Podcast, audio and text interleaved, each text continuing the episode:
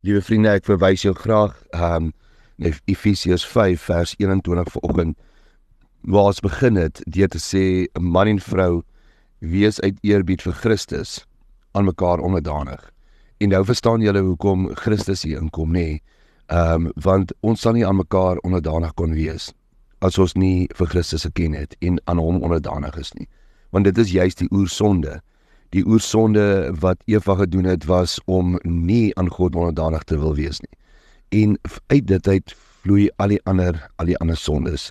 Ehm um, vriende en en dan sê ons hierdie week vir mekaar, uh, wil ek begin by die mans en sê mans ehm um, daar staan in vers 25 mans, julle moet julle vrouens lief hê soos Christus die kerk liefgehad en dan eindig ons gewoonlik daar en dan staan hier verder en sy lewe daarvoor afgelê het.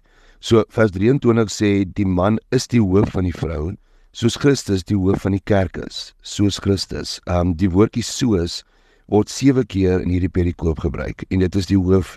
So um Paulus is besig om om 'n ge, gelykenis, ag 'n vergelyking te maak tussen sekere goed.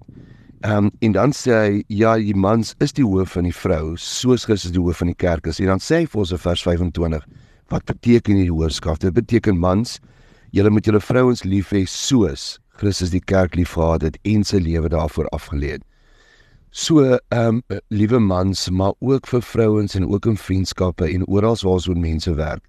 Ehm um, die oomblik as jy begin domineer, die oomblik as jy dink die hoofskap is 'n status, met ander woorde dat jy die baas is in die huis, dan verstaan jy glad nie vir Christus nie, want dan is jy weer besig om te domineer of dan is jy weer besig om nie onderdanig te wees nie. Maar hier staan ons moet Christus vir ons vrouens so lief hê soos Christus die kerk liefgehad het. En wat het Christus vir sy kerk gedoen? Hy het sy kerk se voete gewas. Hy het sy kerk se kindertjies um, op sy skoot gelaai. Ehm um, hy het sy kinders in sy kerk gaan dien. Hy het ehm um, op die ou end het hy sy lewe afgelê vir sy kerk. En daarom sê hierdie gedeelte: "Julle moet julle vrouens so lief hê soos wat Christus sy kerk liefgehad en sy lewe daarvoor afgelê het."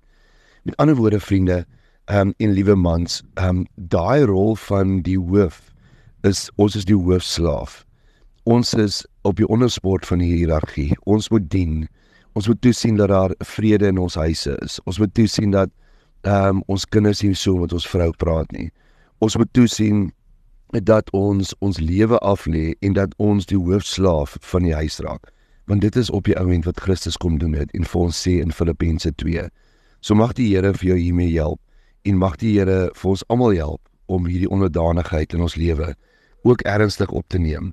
Ehm um, ek kan later in die week sê dat hierdie onderdanigheid kom nie uit swakheid nie, nee, dit kom juis vanuit krag.